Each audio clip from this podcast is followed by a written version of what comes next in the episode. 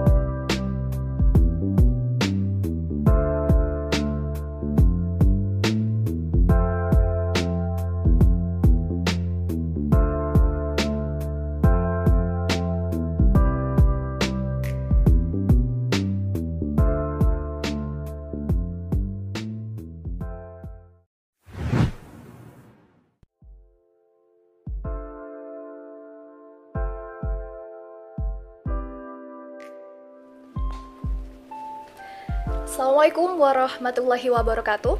Salam adil dan setara. Perkenalkan saya Sarah Monika, pembawa acara dalam seri podcast publikasi dan diseminasi praktik baik perempuan dan pengelolaan sumber daya alam berkelanjutan.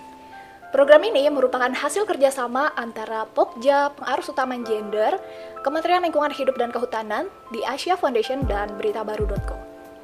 Program ini bertujuan untuk memperluas dampak positif mengenai praktik baik keterlibatan perempuan dalam pengelolaan sumber daya alam berkelanjutan dan tentunya untuk membangun kesadaran publik yang lebih luas. Tema yang akan kita ulas pada uh, hari ini ialah mengenai perhutanan sosial yang responsif gender. Perhutanan sosial adalah salah satu program unggulan pemerintah yang bertujuan untuk memberikan akses pengelolaan hutan kepada masyarakat dalam skema hutan adat, hutan desa, hutan kemasyarakatan, hutan tanaman rakyat, dan kemitraan kehutanan. Luas areal yang disiapkan pemerintah ini untuk pemer, eh, perhutanan sosial adalah 12,7 juta hektar. Realisasi dari perhutanan sosial sampai akhir 2021 adalah 4,9 juta hektar dalam bentuk 7.296 unit surat keputusan hak kelola kawasan hutan untuk 1.048.771 kepala keluarga. Di sisi lain, terbitnya Permen LHK nomor 9 tahun 2021 tentang pengelolaan perhutanan sosial yang baru juga memberi dan menjamin ruang yang lebih luas uh, untuk keterlibatan kelompok perempuan. Untuk itu marilah kita ulas tema kali ini dengan seorang narasumber kita yaitu Ibu Insinyur Erna Rusdiana MSI selaku Sekretaris uh, Direktorat Jenderal Perhutanan Sosial dan Kemitraan Lingkungan atau PSKL dari Kementerian Lingkungan Hidup dan Kehutanan Republik Indonesia. Ya, Ibu, selamat siang, Ibu Erna. Apa kabar? Baik, baik Mbak Sarah. Ibu, uh, boleh dibuka Oh. maskernya? Oke Uh, boleh ya, biar karena kita udah eh, periksa tadi dulu ya, udah Iya, periksa. betul, sudah swab dulu. Udah swab. Ya, Baik. Ibu. Selamat datang dan terima kasih Ibu telah bergabung dalam podcast uh, kali ini dengan tema perhutanan sosial yang responsif gender. Iya. Ibu, terkait dengan tema tersebut, mungkin Ibu bisa menjelaskan nih terlebih dahulu apa sih sebenarnya tujuan dan manfaat program perhutanan sosial itu sendiri? Ya, program perhutanan sosial ini kan eh, spirit spirit pemerintah ya untuk bagaimana masyarakat bisa uh, sejahtera hmm. gitu. Ini memang bukan suatu hal yang baru, tetapi di era pemerintahan uh, Pak Jokowi ini memang mempunyai uh, perhatian khusus sehingga menjadi uh, program prioritas, prioritas ya. ya.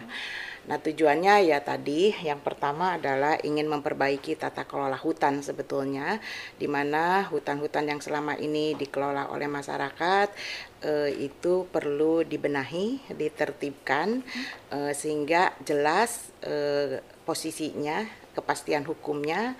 Jadi ada uh, apa namanya bisa diberikan hak kelola kepada masyarakat gitu selama jangka waktu yang cukup besar 35 tahun. Dan kemudian setelah itu bagaimana eh, lahan-lahan uh, yang diberikan kepada masyarakat uh, melalui hak kelola tersebut bisa dimanfaatkan diusahakan untuk mensejahterakan masyarakat tentu tetap menjaga kelestarian hutannya oleh karena itu perhutanan sosial ini sebetulnya sebuah bentuk pendekatan pengelolaan hutan baru. Jadi oh, sistem iya. pengelolaan hutan baru untuk menuju kelestarian juga. Jadi bukan bagi-bagi lahan, mm. bukan uh, juga untuk alih fungsi hutan gitu. Jadi untuk uh, lebih memperluas akses ya iya. pengelolaan hutan. Untuk uh, memanfaatkan yang lebih optimal dari kawasan mm -hmm. hutan. Dan itulah kenapa kemudian perhutanan sosial ini menjadi program prioritas pemerintah ya dari tahun 2015 sampai 2019 dan bahkan sekarang dilanjutkan 2020 sampai 2024 nanti ya Bu. Betul. Ya, Ibu, dan sesuai dengan ketentuan yang ada nih perhutanan sosial kan dapat diberikan ya Bu kepada uh, orangan, terus kemudian kelompok tani dan juga koperasi. Hmm. Lalu secara sederhananya apa sih syarat-syarat yang memang harus dipenuhi Bu untuk mengajukan hak kelola perhutanan tersebut? Iya. E, perhutanan sosial ini memang ditujukan untuk masyarakat lokal hmm. ya yang tinggal di dalam dan sekitar kawasan hutan yang selama ini memang uh, kurang mendapat perhatian ya uh, bisa dikatakan terpinggirkan gitu dari pembangunan uh, dengan perhutanan sosial mereka menjadi prioritas utama untuk diberikan akses 35 tahun itu. Yaitu uh, masyarakat yang hidup dan penghidupannya tergantung langsung kepada hutan. Yaitu bisa saja mereka sudah uh, menggarap kawasan hutan itu puluhan tahun bahkan mungkin sejak nenek moyangnya hmm. gitu ya e, karena banyak di Kalimantan gitu masyarakat e, suku Dayak e, kemudian di Sulawesi dan di e, Sumatera semua itu banyak masyarakat di dalam kawasan hutan itu sudah melakukan kegiatan gitu. Nah e, juga bukan hanya tanam menanam tetapi mereka juga melakukan e, pemanfaatan hasil hutan seperti rotan, misalnya getah, damar dan sebagainya. Nah, eh, kegiatan-kegiatan mereka di dalam kawasan hutan ini kan perlu jelas ya, perlu jelas status hukumnya. Selama ini mereka dipandang sebagai perambah ya dengan kas, dengan uh, hukum positifnya kita gitu ya.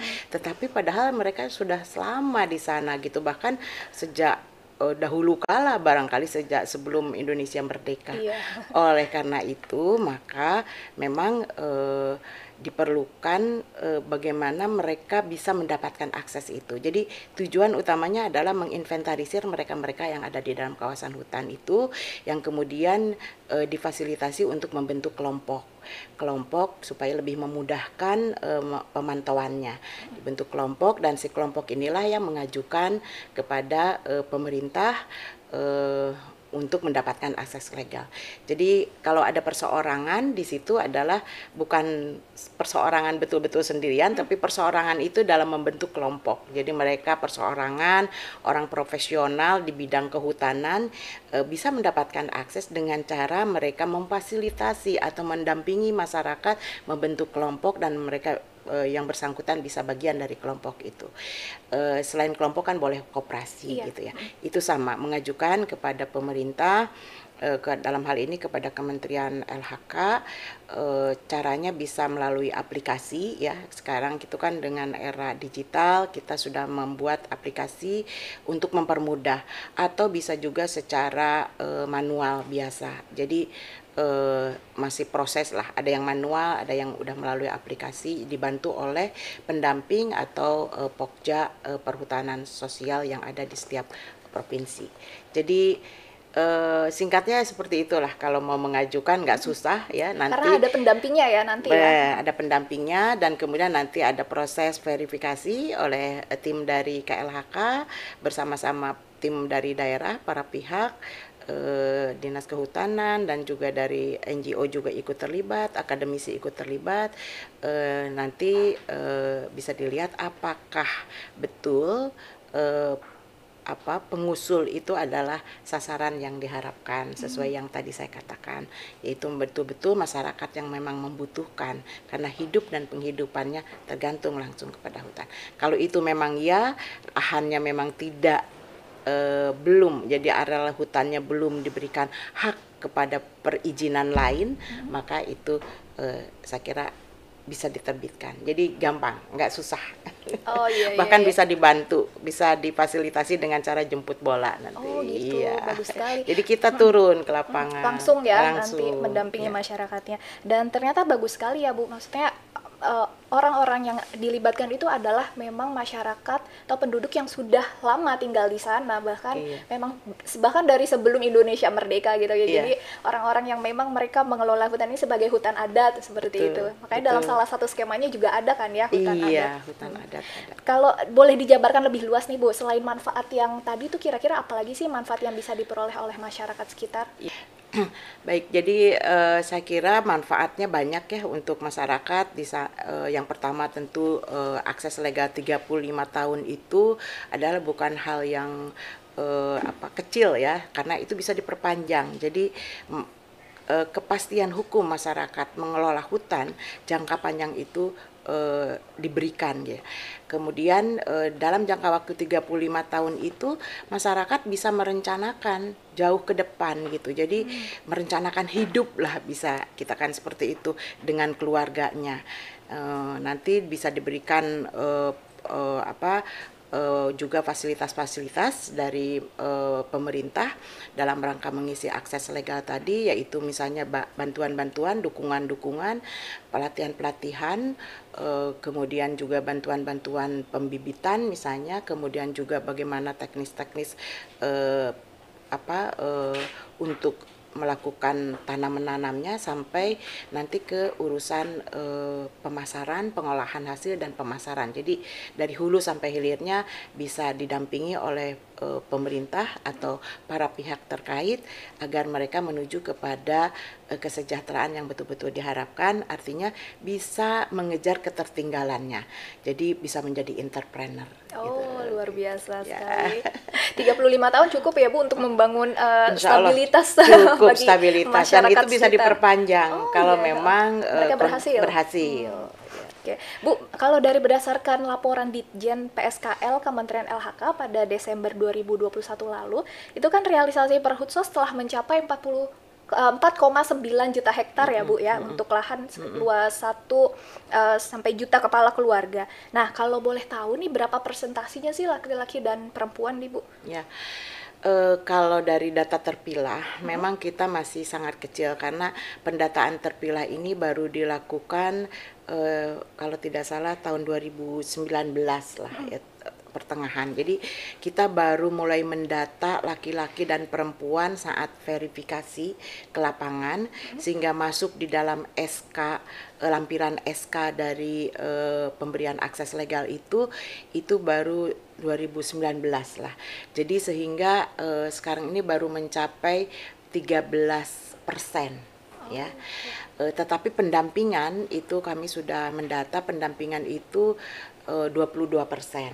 Nah, namun kalau fasilitatornya sendiri, maksudnya uh, pegawai-pegawai pemerintah maupun pegawai-pegawai daerah itu uh, itu hampir 40% perempuan. Oh, iya, jadi yang melakukan pelayanannya hmm. udah hampir banyak perempuan. Nah, ini masalah pendataan saja menurut saya ya. karena faktanya sebetulnya keterlibatan masyarakat per, keterlibatan perempuan di dalam perhutanan sosial ini fakta di lapangannya itu jauh lebih besar.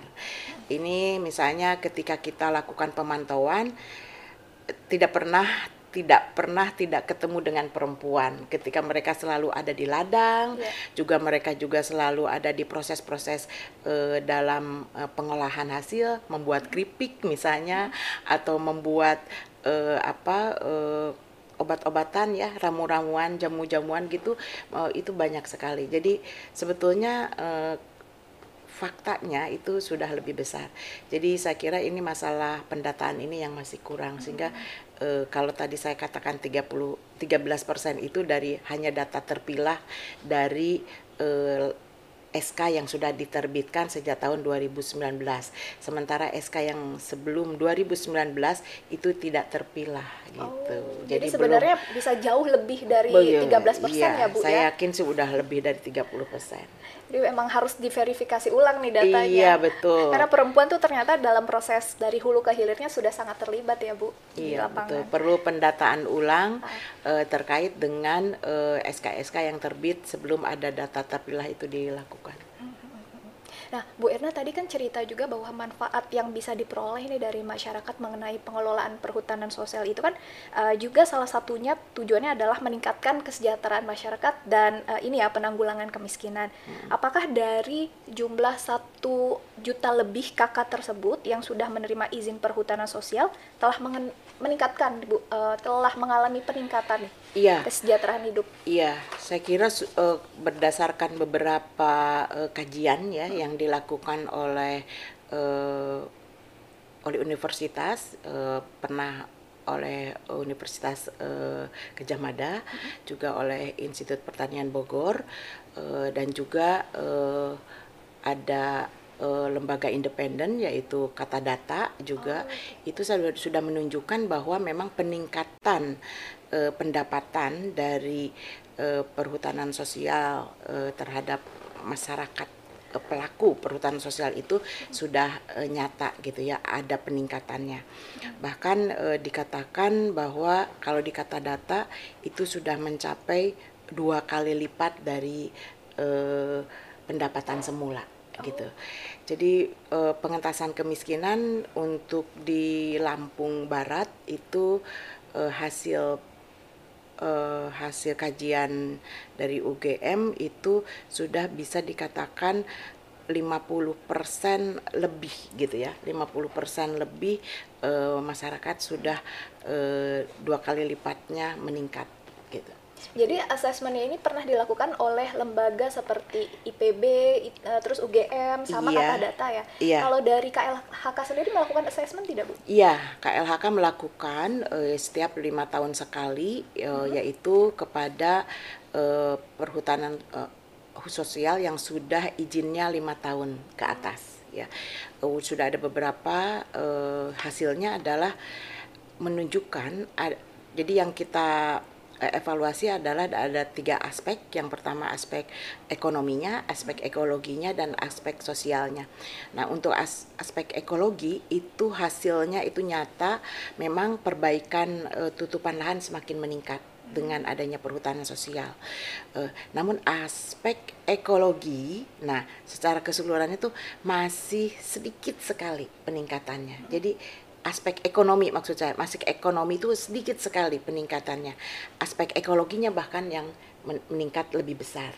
Nah kalau sosialnya saya kira ini pasti meningkat karena tingkat e, kerukunan warga dengan adanya perhutanan sosial ada keguyuban yang kemudian meningkat juga di tingkat warga itu juga meningkat. Jadi konflik bisa diredam dengan ada perhutanan sosial Uh, jadi begitu kira-kira hasil dari uh, kajian kita untuk ya? ya lima tahun sekali dan itu dilakukan setiap tahun oh. kepada mereka yang sudah uh, izinnya lima tahun lebih.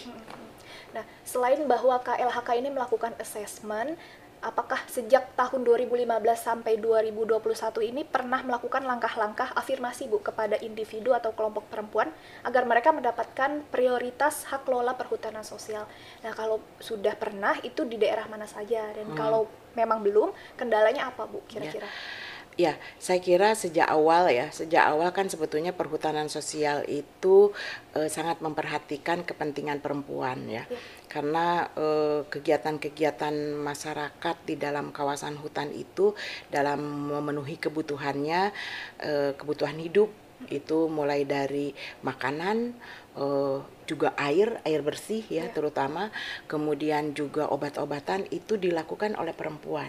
Jadi memang eh, kebijakan perhutanan sosial ini sebetulnya sangat memperhatikan kepentingan perempuan dan afirmasi kami kepada eh, sasaran eh, perhutanan sosial ini eh, tentu dilakukan sejak awal oleh para pendamping di tingkat tapak juga oleh eh, kami dari eh, eh, apa eh, pengambil kebijakan misalnya melakukan sosialisasi saat ke lapangan itu tentu memberikan eh, apa eh, penekanan-penekanan kepada kelompok-kelompok masyarakat agar mereka juga mau menyampaikan aspirasinya ya.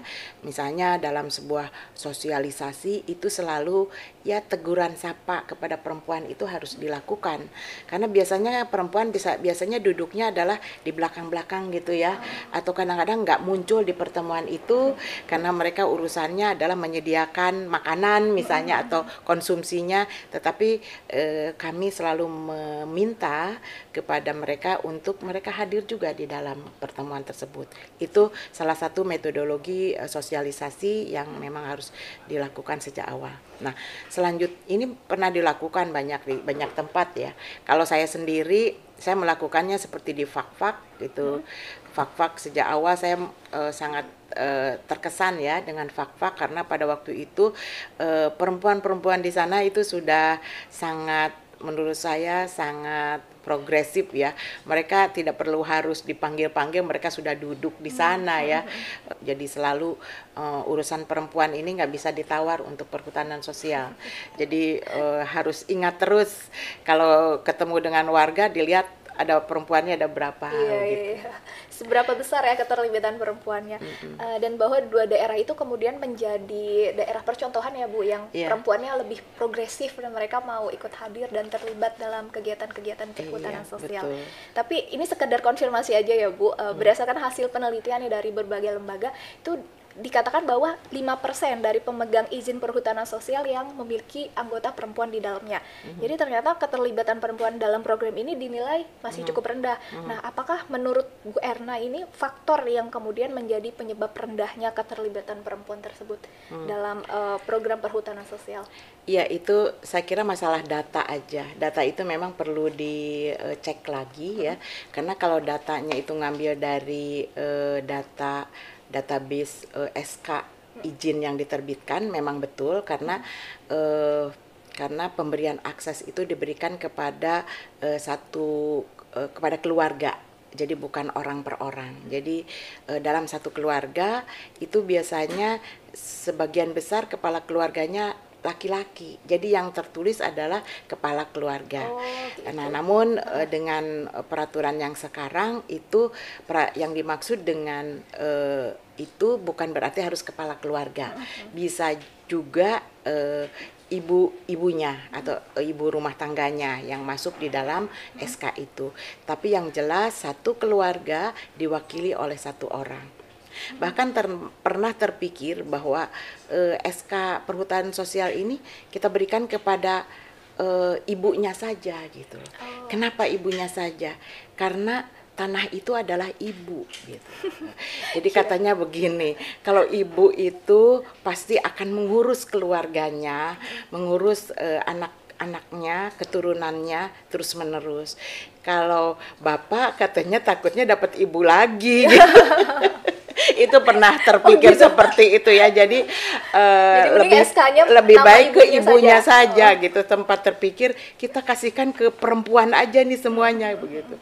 Tapi itu hanya apa eh, wacana ya Iya, yang iya. berkembang. Jadi hanya menunjukkan bahwa sebetulnya eh, Dirjen PSKL ini memang sangat perhatian sekali dengan perempuan sampai mengatakan udah sama ibu-ibunya saja semuanya gitu supaya supaya juga- tanahnya aman tidak ke mana-mana katanya gitu tidak dibagi Iya, iya. menjadi ibu dua gitu Oke Bu. Nah, ketika bertemu dengan uh, ratusan perempuan pemimpin Bu pada Maret 2018 lalu itu kan Ibu Menteri LHK Ibu Siti Nurbaya juga menegaskan bahwa pentingnya nih peran perempuan dalam pengelolaan sumber daya alam, terus lingkungan hidup dan juga kehutanan berkelanjutan. Kalau menurut Ibu Erna sendiri bagaimana sih cara merealisasikan hmm. komitmen Ibu Menteri tersebut hmm. dalam pengelolaan perhutanan sosial? Ya. Ya, saya kira udah jelas ya di dalam kebijakan, di dalam peraturan-peraturannya sudah nyata disebutkan bahwa e, perhutanan sosial ini e, untuk masyarakat lokal baik laki-laki maupun perempuan tidak ada pembedaan. Ya. Kemudian e, yang kedua tadi sudah disampaikan bahwa praktek-praktek kami dalam melayani uh, masyarakat juga harus selalu aware terhadap uh, keberadaan perempuan. Dan yang ketiga juga Ibu Menteri juga sangat perhatian kepada perhutanan sosial uh, dalam konteks bagaimana uh, apa namanya pegawai-pegawai uh, uh, perempuan uh, itu diberi perhatian juga gitu. Karena kan uh, misalnya untuk melakukan verifikasi ke lapangan itu kan kadang-kadang ke area-area yang remote ya nyebrang pulau, misalnya sampai ke Pulau Buru, Pulau Sela, pulau beberapa pulau-pulau di kepulauan di Maluku dan beberapa kepulauan di uh, Sumatera dan sebagainya itu kita uh, memang uh, membutuhkan uh, apa namanya um, kekuatan uh, fisik gitu ya. Namun tidak menutup kemungkinan perempuan tetap diberi uh, diberi uh, apa peluang untuk itu. Jadi saya kira uh, sudah sangat luar biasa lah uh, Ibu Menteri sudah memberikan akses kepada kami dan memberikan arahan-arahan yang cukup jelas dalam uh, bagaimana mengimplementasikan uh, apa uh, keterlibatan perempuan di dalam perhutanan sosial ini baik di masyarakatnya sendiri maupun di internal uh, kami di KLHK. Ya dan apalagi dengan adanya Permen nomor 9 tahun 2021 itu kan tentang pengelolaan um, perhutanan sosial disebut sebagai regulasi yang cukup progresif ya Bu hmm. dan sangat responsif gender. Apalagi ya, di dalamnya terdapat jaminan bagi perempuan dalam akses kelola perhutsos. Yeah. Nah, kalau dalam klausulnya itu memang apa saja sih Bu Erna yang berpihak pada perempuan nih? Hmm di dalam klausul-klausulnya ya. Yang pertama memang secara jelas di dalam definisi e, masyarakat setempat ya. Di situ dicantumkan e, apa namanya baik laki-laki maupun perempuan jadi tidak dibeda-bedakan kemudian eh, pada klausul-klausul selanjutnya ya saya kira eh, dalam setiap pemberian akses legal itu selalu harus ada data-data terpilahnya mm-hmm. eh, apakah itu laki dan perempuan itu harus eh, dicantumkan eh, sekarang eh, apa eh, identitasnya gitu itu harus masuk. Kemudian di dalam proses-proses uh, prosedurnya itu dijelaskan juga di pasal-pasal di dalamnya. Hmm. Saya kira itu uh, klausul-klausulnya iya, ya. Iya. Dan mengingat bahwa di JNPSKL ini kan memiliki satuan kerja berupa balai-balai tingkat pulau besar ya Bu. Apakah hmm. ada arahan arahan khusus kepada mereka untuk melakukan fasilitasi yang cukup proaktif nih kepada kelompok perempuan untuk mengusulkan perhutanan sosial? Iya uh, memang uh, untuk kelompok-kelompok perempuan itu menjadi perhatian khusus ya mm-hmm. karena uh, memang uh, kita sendiri melihat bahwa uh, perempuan itu punya potensi yang cukup besar uh, di dalam uh, mengembangkan usaha-usaha perhutanan sosial. Jadi bisa dikatakan uh, bisa bagi tugas barangkali ya iya. antara laki-laki dan perempuan. Uh, walaupun perempuan juga masih banyak berkiprah di ladangnya gitu ya, di hutannya gitu ya. Banyak yang perempuan juga melakukan uh, apa aktivitas di dalam uh, hutannya sendiri, tetapi juga dalam proses hilirnya itu uh, perempuan lebih banyak e, berperan ya. Misalnya mereka mengolah hasil-hasil, kemudian melakukan packaging itu e, bagian perempuan, e, kemudian juga bagaimana mereka memasarkan juga cukup lumayan perempuan itu lebih aktif ya, lebih speak up gitu Ke, untuk buat berjualan untuk ya. berjualan promosi. iya. Jadi e, balai dalam hal ini uh, lebih banyak juga memperhatikan sekali ya uh, kepada produk-produk uh, yang dilakukan oleh uh, perempuan kelompok-kelompok perempuan itu dan bagaimana e, mempromosikannya juga ikut membantu gitu. Jadi memang pu, punya perhatian khusus. Apalagi memang perempuan juga terbukti peranan dan kontribusinya cukup besar ya Bu ya. Iya, betul. Pengelolaan dan pemanfaatan dari perhutsos itu. Iya. Dan kalau uh, menurut Bu Erna nih secara lebih luas kira-kira rencana kebijakan dan program intervensi apa sih yang sedang Ibu dan Ditjen PSKL rancang untuk mewujudkan pengelolaan perhutanan sosial ini agar lebih berpihak kepada perempuan? Hmm. Ya, uh, secara umum uh, kami ke depan itu akan fokus uh, di tiga hal yang pertama adalah mempercepat bagaimana 12,7 juta hektar ini bisa segera diselesaikan yaitu dengan cara kolaborasi dengan kementerian dan lembaga terkait serta dengan uh, pemerintah daerah yaitu dengan cara mengembangkan integrated area development. Kemudian juga kami akan push uh, pendampingan ini gitu ya juga dengan cara kolaborasi dengan eh, program-program terkait lainnya gitu. Jadi perhutanan sosial ini uh, tidak berdiri sendiri tetapi berkolaborasi dengan program-program pemberdayaan masyarakat misalnya program-program uh, pengentasan kemiskinan, program-program uh, peningkatan perekonomian itu yang ada di uh, kelembaga di dalam di kementerian atau lembaga lain atau di yang di implementasikan di setiap daerah. Dan kemudian uh, juga terkait dengan pengembangan usahanya. Nah, peran perempuan tentu tadi uh, ini uh, kita akan uh, lebih yang pertama adalah mengidentifikasi kembali. Jadi mendata kembali ya ke depan itu uh, sebenarnya berapa banyak sih perempuan ini yang berkiprah di dalam perhutanan sosial ya? Kita tentu akan meneruskan uh, data terpilah tetapi data yang belum terpilah sebelumnya pada saat evaluasi kita bisa lakukan pendataan ulang sehingga nanti kita bisa mendapatkan data yang benar-benar akurat. Sebetulnya uh, pemegang uh, akses legal ini berapa persen perempuannya Nah, itu pendataan.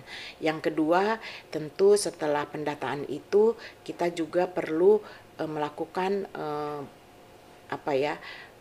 pengembangan-pengembangan program e, yang ramah terhadap perempuan ya.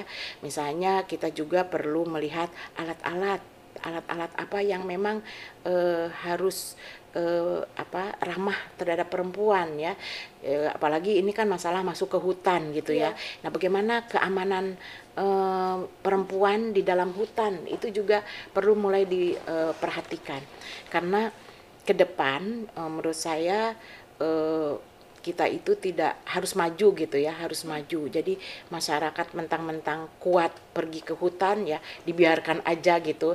Tetapi kan harus diperhatikan uh, alat-alat reproduksinya apakah aman mereka yeah. gitu ya. Itu perlu diperhatikan. Jadi uh, terkait dengan hal-hal kesehatan untuk mas uh, perempuan kemudian juga pendidikan untuk anak-anak perempuan ini saya kira nanti program-program di perhutanan sosial akan semakin berkembang dengan kerjasama kolaborasi dengan program-program lain.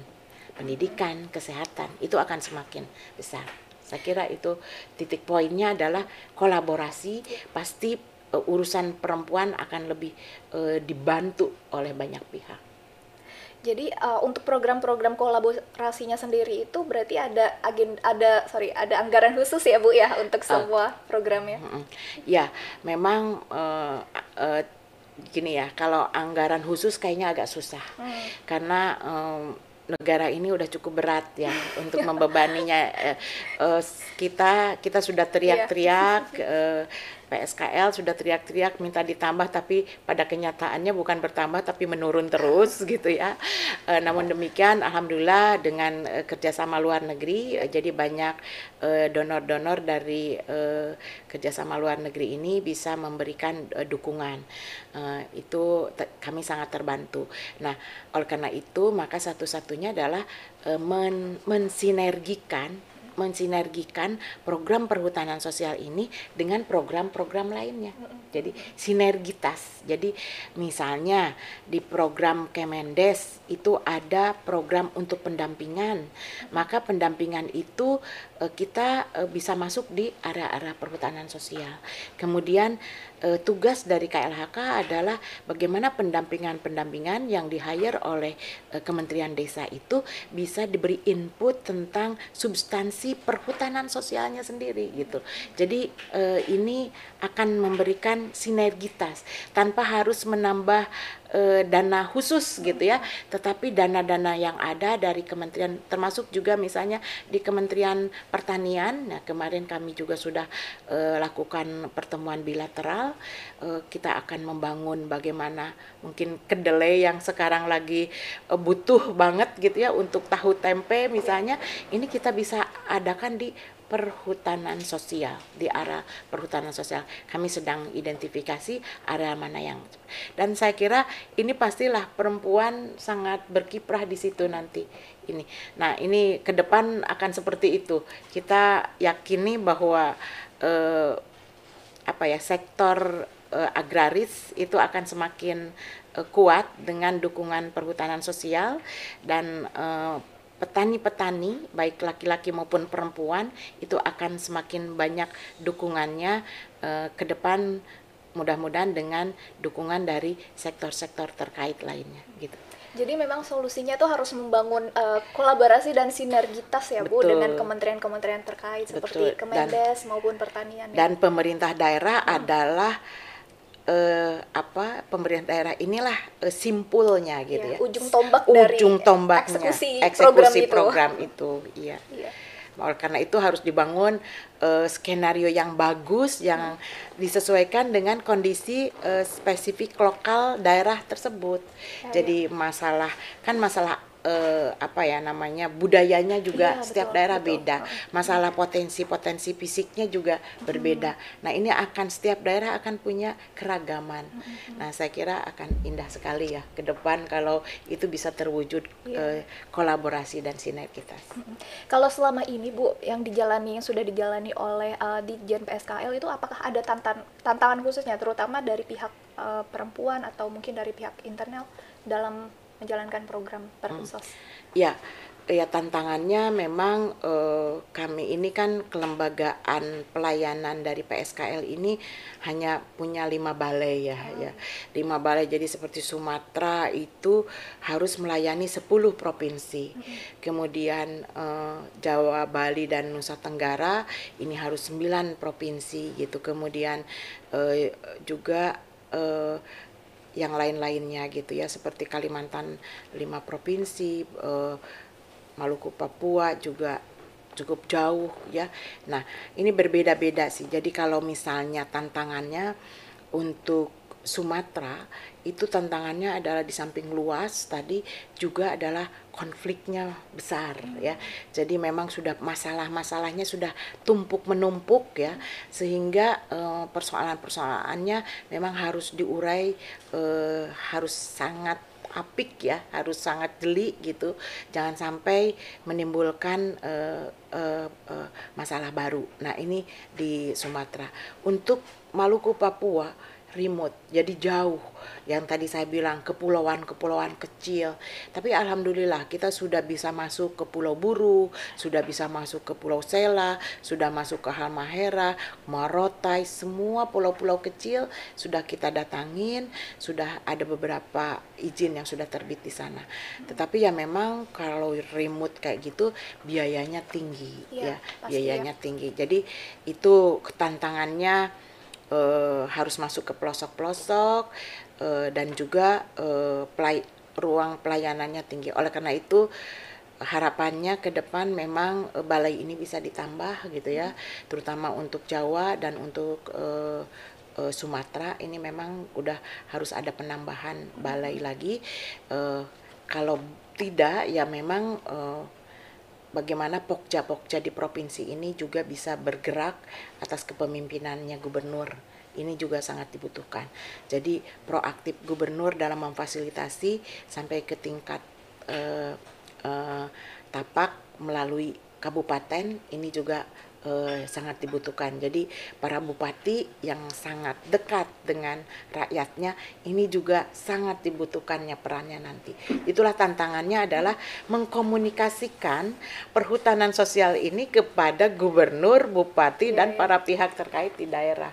Di Jadi samping memang, kepada KL terkait. Mm -mm. Ya. Perlu ada komunikasi yang lancar juga ya antara pemerintah pusat dengan uh, pemerintah daerahnya iya. dalam mengakselerasi program perhutanan iya, sosial. Betul, betul. Iya. Aduh seru sekali dan uh, Ibu, apakah ada catatan penutup nih Bu untuk diskusi kita pada siang hari ini? Ya, terima kasih Mbak Sarah. Saya kira uh, luar biasa. Saya terima kasih ya kepada uh, inisiator uh, untuk acara ini. Kami diberi tempat untuk mendialogkan tentang perhutanan sosial dari sisi uh, kesetaraan gender atau perspektif gendernya.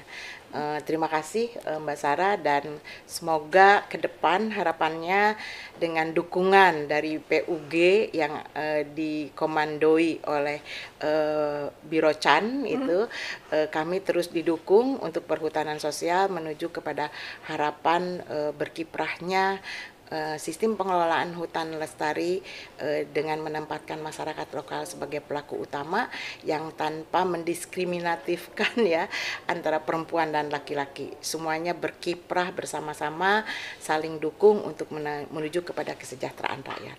Itu saja Mbak Sarah. Baik, terima kasih sekali Ibu Erna atas diskusi yang sangat mencerahkan pada siang hari ini. Saya langsung uh, seolah-olah dapat kuliah 3 SKS nih ya. Ngobrol sama Ibu Erna. Dan saya juga ucapkan kepada pemirsa sekalian terima kasih telah mengikuti program seri podcast publikasi dan diseminasi praktik baik perempuan dan pengelolaan sumber daya alam berkelanjutan dengan tema perhutanan sosial yang responsif gender. Sekali lagi saya ucapkan terima kasih kepada ya. Ibu Insinyur Erna Rosdiana MSI. Ya, sama-sama. Selaku sekretaris dari uh, Direktorat Jenderal Perhutanan Sosial dan Kementerian Lingkungan KLHK. Saya juga terima kasih kepada Pokja POG KLHK serta di Asia Foundation dan segenap tim kerja berita baru.co atas kerja kerasnya untuk menyelenggarakan program podcast yang sangat uh, baik dan luar biasa. Terima kasih juga untuk para penonton yang sudah menyimak podcast kita dari awal hingga uh, akhir sesi. Saya Sarah Monika pamit undur diri. Wassalamualaikum warahmatullahi wabarakatuh. Salam adil dan setara. Thank you.